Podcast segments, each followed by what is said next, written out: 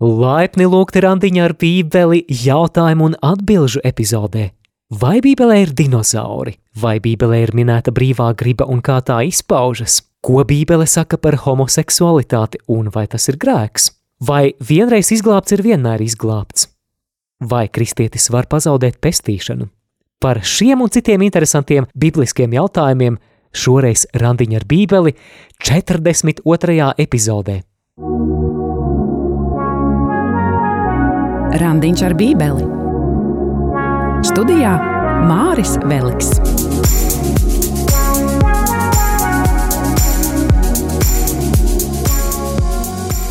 Esiet sveicināti randiņa ar Bībeli 42. epizodē jautājumi un atbildes par Bībeli. Parasti raidījums skan tiešraidē un arī tam noteikti es dodu priekšroku. Šoreiz gan man nav šajā dienā iespējas būt studijā, un tāpēc raidījumu dzirdēsi kā sagatavotu ierakstu, bet tas nemazina to, ka raidījums noteikti būs vērtīgs un dzirdēsi interesantus jautājumus, un cerams arī nemazāk vērtīgas atbildes. Oktobra beigās man bija iespēja piedalīties attālināti Zoom platformā, kādā katoļu jauniešu vakarā atbildot uz jauniešu sagatavotiem jautājumiem par Bībeli. Šoreiz raidījumā es piedāvāju noklausīties fragment no šīs tikšanās ar jauniešiem, kurā es atbildu uz jauniešu anonīmi iesūtītiem jautājumiem. Tad nu sirsnīga pateicība arī šī vakara organizatoriem, Beātei Megijai Krieviņai Stikutei un Kristapam Stikutam, un viņu balsis arī dzirdēsiet uzdodam jauniešu sagatavotos jautājumus. Paliec kopā ar randiņu ar bībeli. Skan randiņš ar bībeli.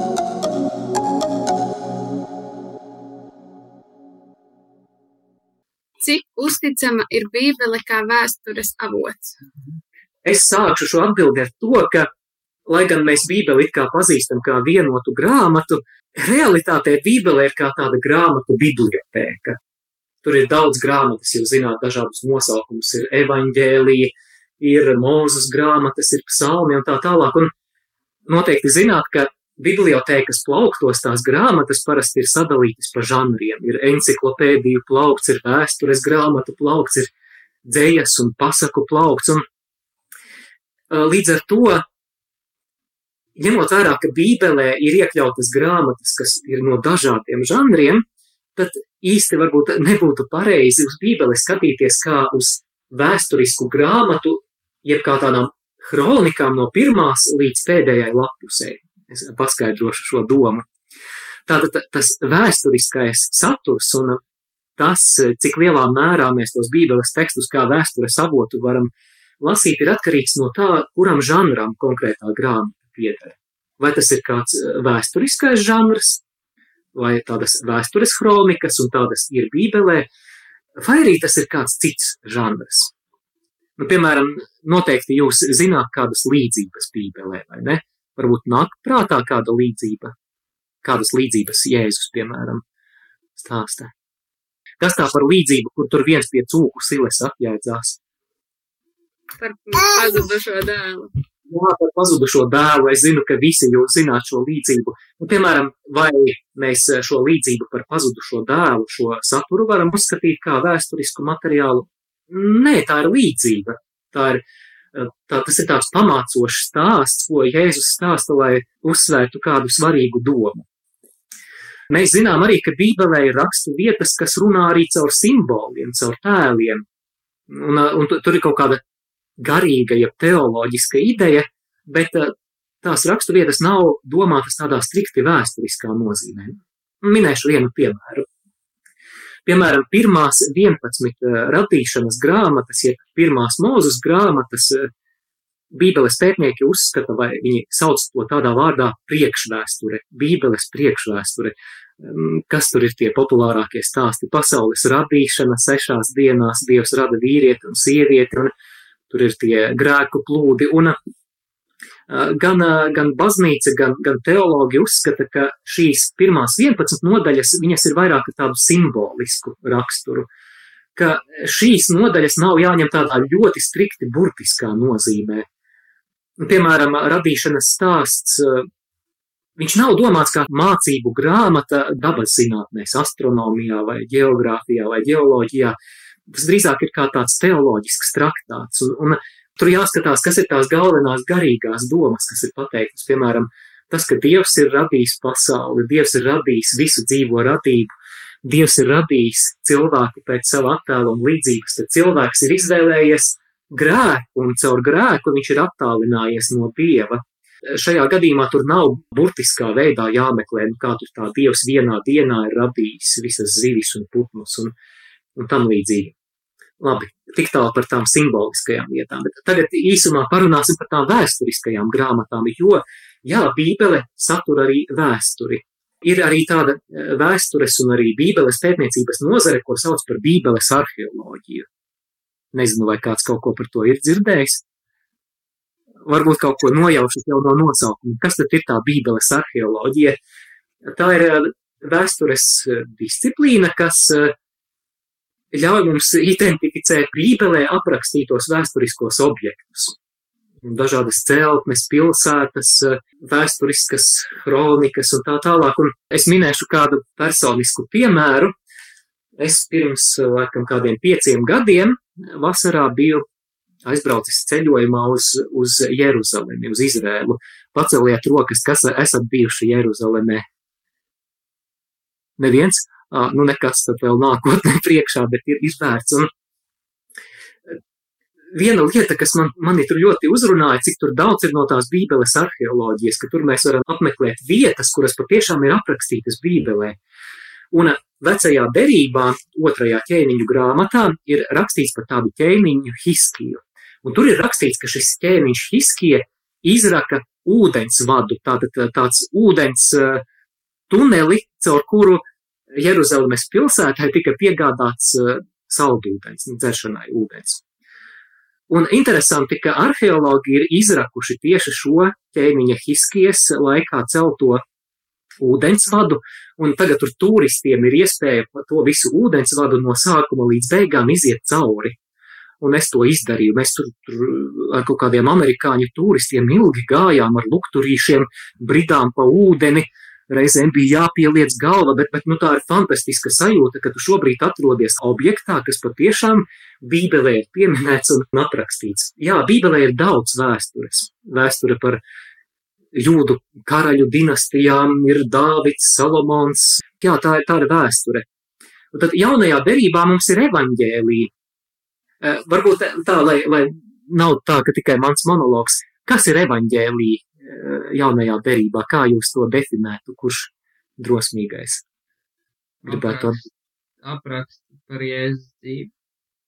Precīzi, jā, Dominika, es tieši šādu atbildi sagaidīju. Jā, tie ir apraksti par Jēzus dzīvi, un, un mēs kā kristieši varam uzticēties, ka tā ir uzticama liecība par Jēzu Kristu. Nu, piemēram, agrākais evaņģēlijs, pirmais evaņģēlijs Bībeles pētnieki uzskata, ka ir Marka evaņģēlijs, kurš ir uzrakstīts 60. gadu pirmajā pusē. Nu, tātad apmēram 30 gadi ir tikai pagājuši kopš Jēzus nāves un augšām celšanās.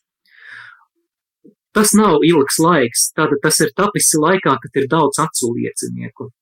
Ir evaņģēlija, kur ir saistīti ar konkrētiem Jēzus apustuļiem, kas dienu dienā gāja ar Jēzu. Mateja evaņģēlijas, Jāņa evaņģēlijas, Jā, tātad tas ir laiks, kad acu liecinieki ir dzīvi, un līdz ar to mēs varam uzticēties arī evaņģēlijam, evaņģēlijam kā vēsturiskai liecībai.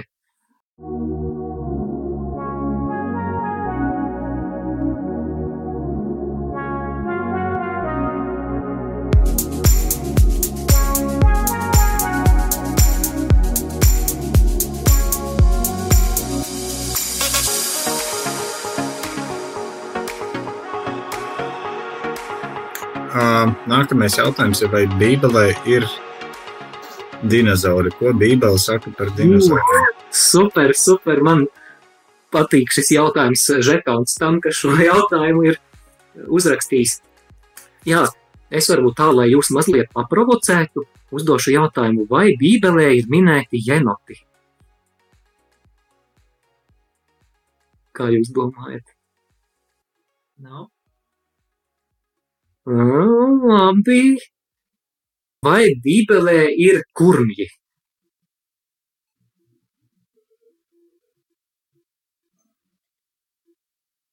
Ko jūs par kurmiem sakāt? Ir vai nav kurmji minēti Bībelē? Nevar zināt, es neesmu izlasījis. Min- Minējums ir, ka visticamāk nebūs.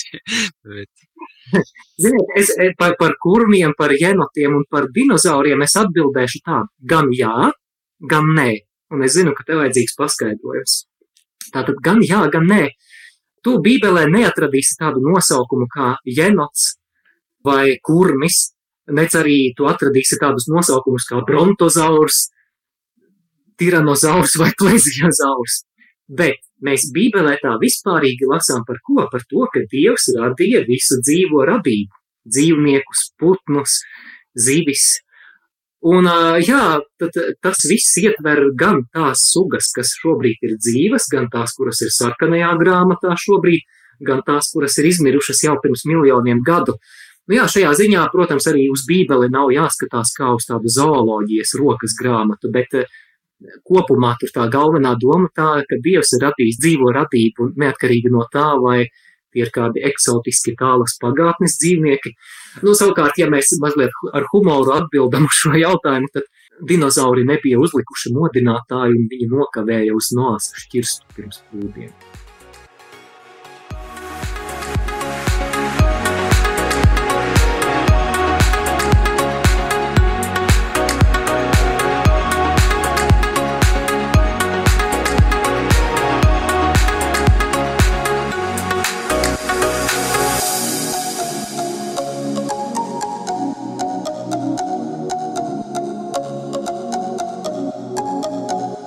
Vai Bībelē ir min, minēta brīvā griba un kā tā izpaužas?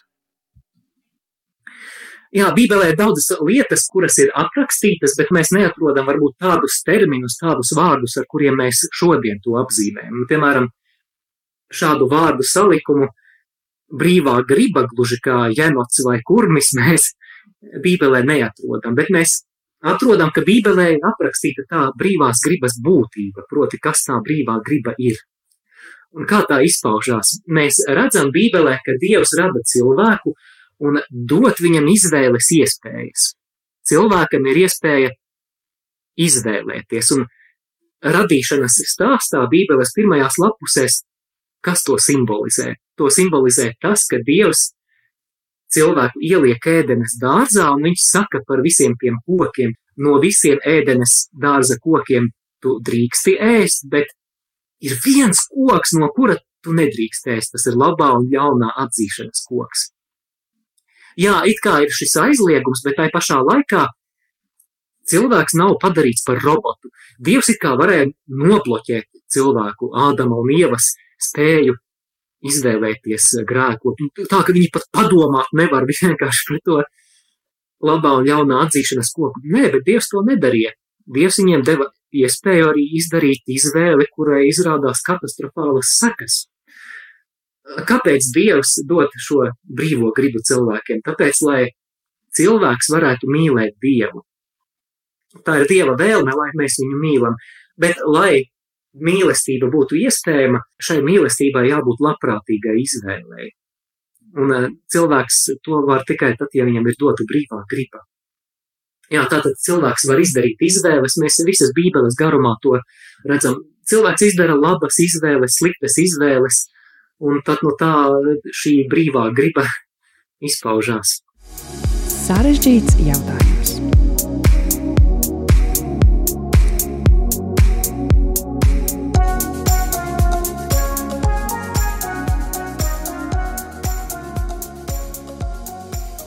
Jautājums, ko Bībele saka par homoseksualitāti? Vai tas ir grēks?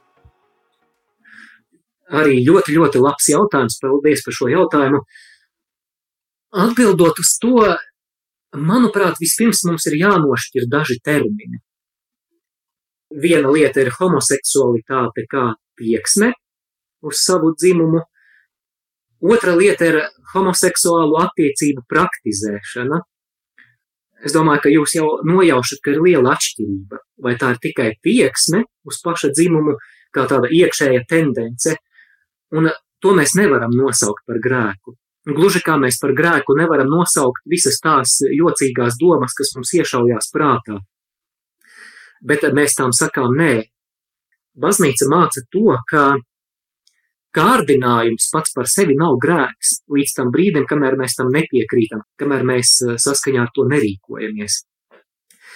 Un kas attiecās uz tiem cilvēkiem, kuriem ir homoseksuāla tendence, tad baznīca aicina ar lielu, lielu cieņu, līdzjūtību un sapratni izturēties pret šiem cilvēkiem. Es arī paņēmu katoliskās baznīcas katehismu un es vienu citātu nolasīšu līdz bībelē, tūlīt mēs nokļūsim. Šī tieksme ir runa par šo tieksmes homoseksuālismu, kas pēc savas būtības ir pretrunā ar morālisko kārtību, lielākajai daļai no tiem ir pārbaudījums. Pret viņiem jāizturas ar cieņu, līdzjūtību un iejūtību. Jāizvairās no jebkādām netaisnīgas diskriminācijas izpausmēm attiecībā pret šiem cilvēkiem. Viņi tiek aicināti izpildīt savā dzīvē dieva gribu, un ja viņi ir kristieši, pievienot pestītāja upurim uz krusta grūtības, ar kurām tiem nākas sastapties savā dzīvē, tik tālu par homoseksualitāti kā tendenci iekšējo tieksmi. Tātad tas nav grēks, bet tas var būt liels pārbaudījums cilvēkam. Savukārt, ja mēs runājam par homoseksuālu attiecību praktizēšanu, tad Bībele to ļoti skaidri nosauc par grēku. Gan vecā derība to aizliedz, un jaunā derība to apstiprina. Piemēram, pirmā vēstule korintiešiem, sastā nodaļa. No 9. panta lasām tā, vai jūs nezināt, ka netaisnie neiemantos dieva valstību, nemaldiniet sevi, nec izvirtuļi, nec alku kalpi, nec laulības apgānītāji, nec baudu kārie, nec vīriešu piegulētāji, ar to ir domāti praktizējoši homoseksuāļi, nec zagļi, nec alkatīgie, nec dzērāji, nec rupību runātāji, nec laupītāji, dieva valstību neiemantos. Bet tālāk ļoti laba skaista ziņa 11. pantā. Daži no jums tādi ir bijuši, bet jūs tikāt nomazgāti, tikāt svētīti, tikāt attaisnoti mūsu Kunga Jēzus Kristus vārdā un mūsu Dieva garā. Dievs ir ļoti, ļoti labs un Dievs ir ļoti, ļoti žēlsirdīgs. Un jā, mēs varbūt pārāk nofokusējamies uz kaut kādu vienu grēku, otru homoseksuāli, tādi un šitādi. Īstenībā mēs visi esam grēcinieki, katrs pa savam, bet Dievs ir ļoti, ļoti žēlsirdīgs. Neatkarīgi no cilvēka orientācijas, Dievs ir gatavs piedot, nomazgāt, dot jaunu, jaunu sākumu. Es eh, ar ļoti lielu cieņu un apbrīnu uzlūkoju tādas organizācijas, kā ASV, zinu, ka ir tāda eh, katoļu organizācija Courage, jeb drosme, kas apvieno katoļu ticīgos cilvēkus ar homoseksuālu tendenci, kuri ir izvēlējušies dzīvot šķīstībā un kuri ir izvēlējušies dzīvot uzticībā svētajiem rakstiem un baznīcas eh, mācībai. Jā, tad tāda būtu tā īsa atbilde. Thank you.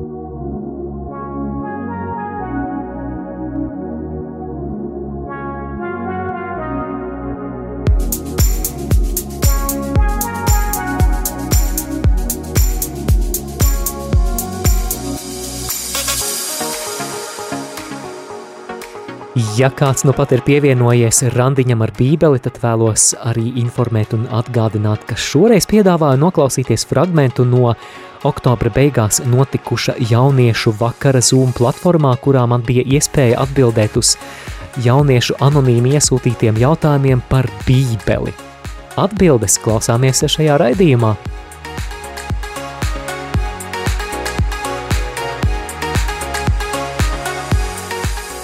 Bībele saka par alkohola lietošanu? Vai tas ir grēks kristietim lietot alkoholu? Jā, ir konfesijas, kurās ir ļoti strikta attieksme pret alkoholu, ka pat tās rakstu vietas Bībelē, kur ir runāts par vīnu, viņi interpretē kā vietas par vīnogu sulu. Un es zinu, ka ir draudzes, kur, piemēram, vakarēdiena laikā nevis vīnu, bet tieši vīnogu sulu neraudzēti pasniedz. Es kā katolis teikšu tā, ka tāda interpretācija īsti tomēr neatbilst ne vēsturiskajai realitātei, ne bībelē, jo viņas bībeles laikos bija normāla ikdienišķa ēdienu kartes sastāvdaļa, gluži kā Itālijā vīds šodien. Mēs varam atcerēties, ka Mateja evaņģēlija 8. nodaļā farizēji pārmet Jēzum, varbūt kurš atcerās, ko Jēzum pārmet saistībā ar vīnu. Farizēji pārmet Jēzum, ka Jēzus ir grēcinieku un muitnieku draugs, vīna dzērājs un izēdājs. Jā, apustulis Pāvils pirmajā vēstulē Timotejam 5. nodaļā 23. pantā Timotejam iesaka mazliet lietot vīnu veselības nolūkos, bet, bet, un šeit svarīga lieta tagad, ir ļoti svarīgs princips, ko baznīcas morāla teoloģijā arī uzsver mērenība. Visu darīt ar mērenību. Kas ir pāri mērenībai, ir grēks. Iedzeršanās ir grēks. Tad, kad mēs zaudējam savaldību un savu saprātu. Tur eh, robežas ir šķērsotas. Un eh, arī ir vairākas rakstu vietas, kas mūs brīdina pret eh, pārmērīgu, neveselīgu alkohola lietošanu. Piemēram, vēstule Efeziešiem 5.18 ir teikts, neapreibieties ar vīnu, no kā ceļas izlaidīga dzīve, bet topiet gara pilni. Jā, te ir norādīts uz to risku, ka noreipšana no, no vīna var dzīves morālo latiņu ļoti pazemināt. Un arī citur Bībelē ir parādīts posts, ko alkohola lietošana var nodarīt. Mēs varam atcerēties, ka vecajā derībā Noās vienā brīdī ir piedzēries, un um, no patriarchiem Lots arī, kurš ir piedzēries un notiek beidīgas lietas. Pāvila vēstule Galatiešiem 5. nodaļā no 19. panta viņš raksta par miesas darbiem, skaudība un citi miesas darbi ir minēti, un starp tiem ir arī dzeršana un dzīrošana. Tā ka, rezumējot šo atbildi, ko Bībele saka par alkoholu lietošanu, Bībele neaizliedz lietot alkoholu. Visā ir vajadzīga mērenība, un Bībele mūs arī brīdina par bīstamību, ar ko ir jārēķinās arī šajā lietā.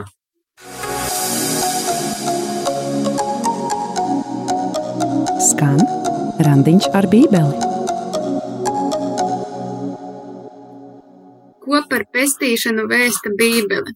Vai vienreiz izglābts ir vienmēr izglābts? Vai kristietis var pazaudēt pestīšanu? Ļoti labs jautājums. Pirmkārt, Bībele vēstīja to, ka cilvēks pats sevi nevar atpestīt ir eh, ļoti slavena rakstu vieta vēstule romiešiem, trešā nodaļa, 23. pants, ka visi ir grēkojuši un visiem trūkst dieva godības, bet tad turpinājumā dievs tos attaisno bez maksas, jo viņš tos atpircis Jēzu Kristu. Pārliecība, kas ir mums katoļiem un kas mūs vieno ar citu konfesiju kristiešiem, ir tā, ka mums ir viens pestītājs, ka tas ir Jēzus, kurš ir nācis šeit virs zemes, paņēmis mūsu grēkus, paņēmis tos un Golgātā un šo grēku dēļ atdevis sevi pie krusta, kā izpirkuma maksu, un trešajā dienā augšām cēlies. Un pateicoties tam, ko Jēzus ir izdarījis pie krusta, mēs varam iemantot pestīšanu, proti atbrīvošanu no grēka, atbrīvošanu no grēka sakām, ka Jēzus caur šo nāvi pie krusta un augšām celšanos viņš to plaisu, kas grēka dēļ mūs eh, atdalīja no Dieva mīlestības, ka viņš ir uzcēlis tiltu, ka viņš mūs ir savienojis. Jā. Es kā katolis arī un uzticīgs katoļu baznīcas mācībai arī noteikti minēšu to, ka sarunā, kur Jēzus runā ar farizēju Nikodēmu, Jēzus saka tā, lai ieietu debesu valstībā mums ir jāpiedzimst no augšienes, no ūdens un no gara. Un tādā katoliskās, katoliskā skatījumā šo rakstu vietu šeit ir runa par ko? Varbūt kāds nojauš, kas ir tā piedzimšana no augšienes, no ūdens un gara. Droši varat minēt, drīkst arī netrāpīt. Kristība. Kristība. Ļoti laba atbilde. Jā, tā ir kristība. Kristība ir tas brīdis, kad mēs piedzimstam no augšienes, piedzimstam mūžīgajai dzīvei.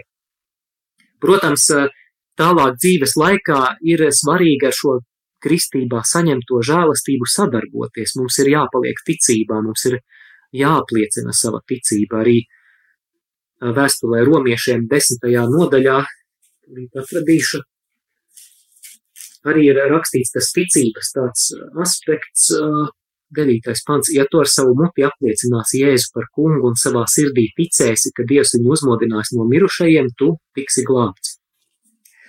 Tālāk tajā jautājumā ir tā nākamā daļa, vai vienreiz izglābts ir vienmēr izglābts. Te acīm redzot ir atsauce uz konkrētu protestantismu novirzienu, kas uzskata, ka ja tu vienreiz esi apliecinājis, ka Jēzus ir tavs kungs un pestītājs, no tā brīža tu esi glābts un tu principā neko vairs nevari izdarīt, lai tu šo glābšanu zaudētu katoliskās baznīcas izpratnē tad ir pilnīgi citādāk. Un, un man šķiet arī, ja mēs bībeli lasām, ir acīm redzami, ka šāds uzskats ir pilnīgā pretrunā tam, ko mēs redzam bībelē, jo mēs bībelē varam atrast ļoti daudz norādes, kas ir kā tāds brīdinājums, ka mēs varam novirzīties no pestīšanas ceļa. Nu, piemēram, vēstule ebrejiem sastā nodaļa, Es lasīšu no 4. panta. Bet tos, kas reiz tikuši apgaismoti, baudījuši debesu dāvanas, ir bijuši līdzdalīgi pie svētā gara, baudījuši dieva labo vārdu un sajutuši nākamības laikmetu spēkus, un tad pievērstiet uzmanību, atkrituši no ticības, Tos nav iespējams atkal no jauna vest pie atgriešanās, jo tie dieva dēlu no jauna piesit krustā un liek apsmieklam. Un te ir uzskatāms piemērs par to, ka mēs varam atteikties no pestīšanas. Vai, piemēram, Mateja evaņģēlija 24. nodaļa 13. pants, kas pastāvēs līdz galam, tas tiks glābts. Tur nav teikts, ka, ja tu pieņēmi Jēzu par savu kungu 2007. gada 18. jūnijā, kopš tā brīža tu esi glābts un, un viss. Mēs kā katoļi varam teikt, mēs jau esam glābti caur Jēzu Kristu, jo Jēzus pie krusta nomirstot par mums, viņš jau visu ir izdarījis. Mēs tiekam glābti, tātad tas ir arī process, kurā mums ar to Dieva žēlastību ir jāsadarbojās. Ja mēs krītam, mēs nožēlojam, mēs ejam pie grēksūdes, un mēs tiksim glābti. Tātad runa ir par to glābšanas piepildījumu, ka jā, kas pastāvēs līdz galam, tas tiks glābts. Mēs reiz skatīsim Dievu vaigu vaigā. Tātad mēs esam glābti, mēs tiekam glābti un tiksim glābti. Vēl kas man nāk prātā, Lūkas evaņģēlija 15. nodaļā ir jau šodien pieminētā līdzība par pazudušo dēlu.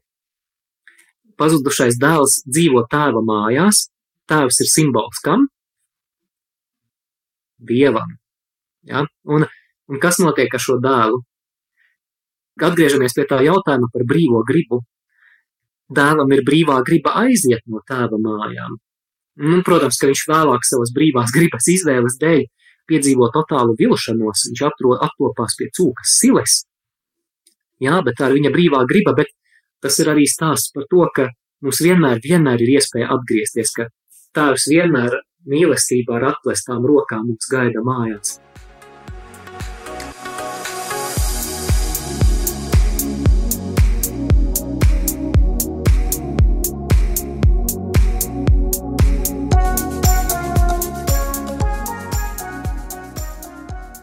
Ko Bībele saka par pašnāvību? Un kas notiek ar ticīgo, kas izdara pašnāvību? Mhm. Paldies! Jā, par pašnāvību. Bībelē ir minēti daži pašnāvības gadījumi. Piemēram, vecajā derībā, otrajā Samuela grāmatā, 17. nodaļā, ir runa par bijušo ķēniņa Dāvida padomnieku, kurš nu, vēlāk tur viņa dēlam Absalomam, kurš mēģina sagrābt varu, kļūst par padomnieku. Viņu sauc par Ahitofelu. Ahitofela padomu neatzina par to labāko, un viņš tik ļoti jutās aizskarts, ka gāja un pakārās. Tā ir viena no pirmajām pašnāvībām vecajā derībā. Jaunajā derībā mēs zinām pētīgo stāstu par apustuli jūdu, kurš no vienas puses nožēlo, ka viņš ir nodevis jēzu, viņš iet atpakaļ pie vecajiem un rakstu zinātājiem un augstajiem priesteriem, grib atdot to naudu. Viņi saka, raugi tu pats, un nu, vienkārši viņš neredz vairs nekādu izēju, un viņš pakarās. Kas tad Bībelē ir teikts, kā, kā tad paš, pašnāvība tiek vērtēta? Nu, pirmkārt, tādu rakstu vietu, kur būtu tiešā veidā par to, ka tev nebūs pašnāvību veiktu, neatverdīsim. Bet jāskatās plašākā kontekstā. Kas mums ir Bībelē? Mums ir starp desmit dieva baušļiem, bauslis tev nebūs nokaut. Tev nebūs nokaut, un tas attiecās ne tikai uz uh, slepkavību attiecībā pret citiem cilvēkiem, tas attiecās uz slepkavību pret nedzimušiem bērniem, proti uz abortiem, Un eh, tikpat lielā mērā tas attiecās uz slepkavību, ko cilvēks var pastrādāt attiecībā pats pret sevi, proti pret pašnāvību. Un Bībele saka, tev nebūs to darīt, tev nebūs nokaut. Un, jā, tātad eh, slepkavība un eh, arī pašnāvība, tas ir smags grēks. Un Bībelē, vēstulē romiešiem sastajā nodaļā mēs lasām, ka grēka alga ir nāve, ar to ir domāta mūžīgā pazušana. Bet vai tiešām mēs varam uzskatīt, ka visi cilvēki, kas ir izdarījuši pašnāvību, ir pilnīgi pazuduši. Nē, mēs tā nevaram apgalvot. Man nāk prātā piemērs no svētā Arsas prāvesta Jāņa Marija vienēja dzīves. Ir kāds dzirdējis par tādu svēto? Viņš nebija priestera aizbildnis.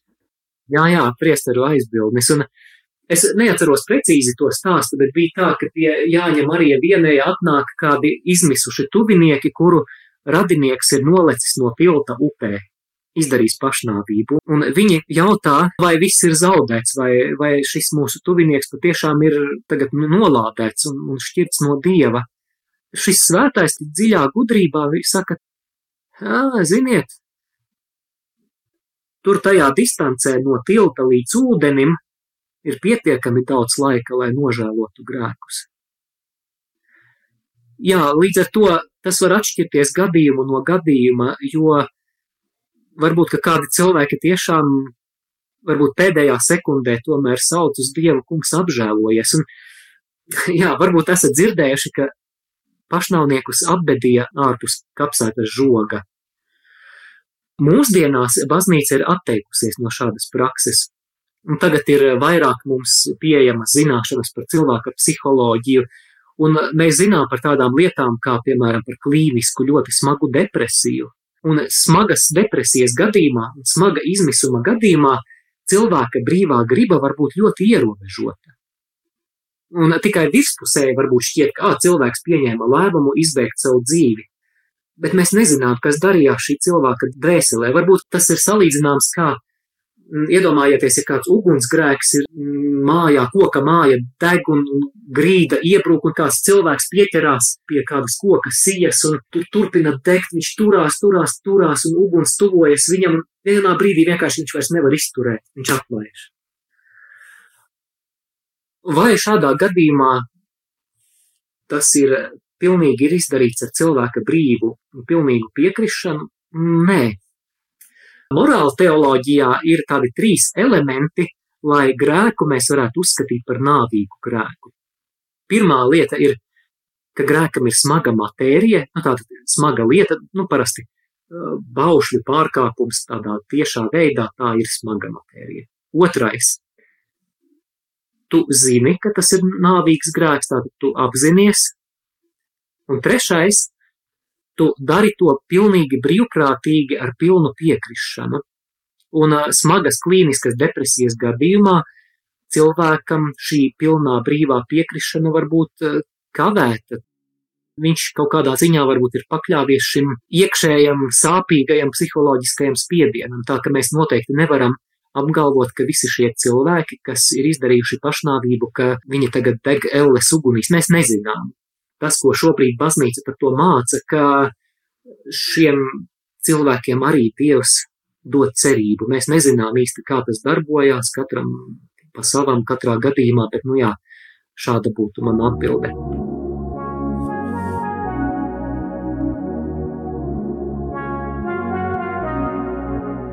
Nu, ir pienācis arī šodien laiks noslēgt randiņu ar Bībeli, tādēļ saku paldies jauniešiem, kuri anonīmi bija iesūtījuši šos jautājumus. Un, ja tikai pieslēdzies šim raidījumam, raidījuma beigās, tad vēlos atgādināt, ka šoreiz mēs dzirdējām arī ierakstu no kāda attālinātā formātā, jeb Zoom platformā notikuša jauniešu vakara, kurā man bija iespēja atbildēt uz jauniešu sagatavotiem jautājumiem par Bībeli. Šajā jauniešu vakarā piedalās jaunieši no dažādām katoļu draudzēm, un varbūt, ja arī tu jaunieti vēlies iesaistīties un tad tikties attālinātā pagaidām, pagaidām attālinātā režīmā, tad droši vari zvanīt organizatoriem, un viņi tevi pievienos. Numurs ir 28 39 7 3 3 3. Atkārtoju 28 39 7 3 3 3. Ar tevi biju kopā arī es, savedējs randiņā ar Bībeli Māris Veliks.